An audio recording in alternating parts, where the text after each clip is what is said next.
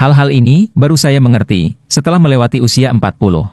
Satu, semua hubungan ada endingnya masing-masing. Dulu saya pikir, kalau punya orang yang sangat dekat, maka itu akan sampai selamanya. Tapi nyatanya, orang datang ngepergi. Ada yang dulu dekat, banget, sekarang biasa atau malah udah lenyap. Banyak yang akan datang ngepergi, hanya segelintir yang menetap lama.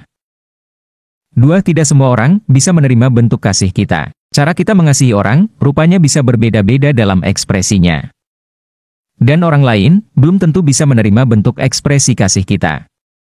Terkadang, mengasihi bisa berarti melepaskan keinginan kita untuk terlalu jauh terlibat dalam hidupnya.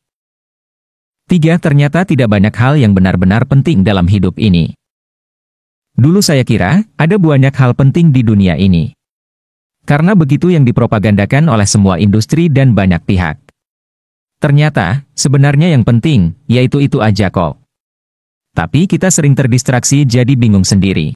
Empat perasaan sering kali bertahan lebih lama daripada peristiwanya. Kita bisa lupa kenapa kita menyukai seseorang, tapi kita sulit lupa perasaannya. Kita bisa lupa kenapa kita marah pada seseorang, tapi kita tak bisa lupa kemarahan dan kecewanya. Maka, membereskan perasaan jauh lebih penting dari membereskan peristiwa.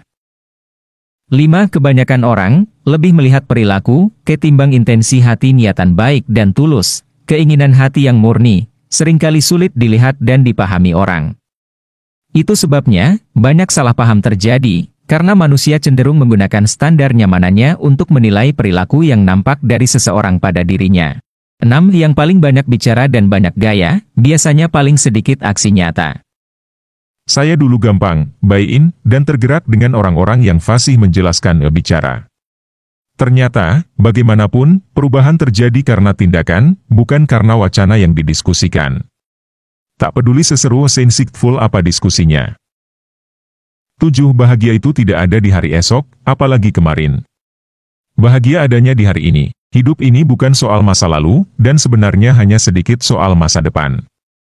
Hidup sesungguhnya adalah saat ini, detik ini. Kebahagiaan adanya di sekarang.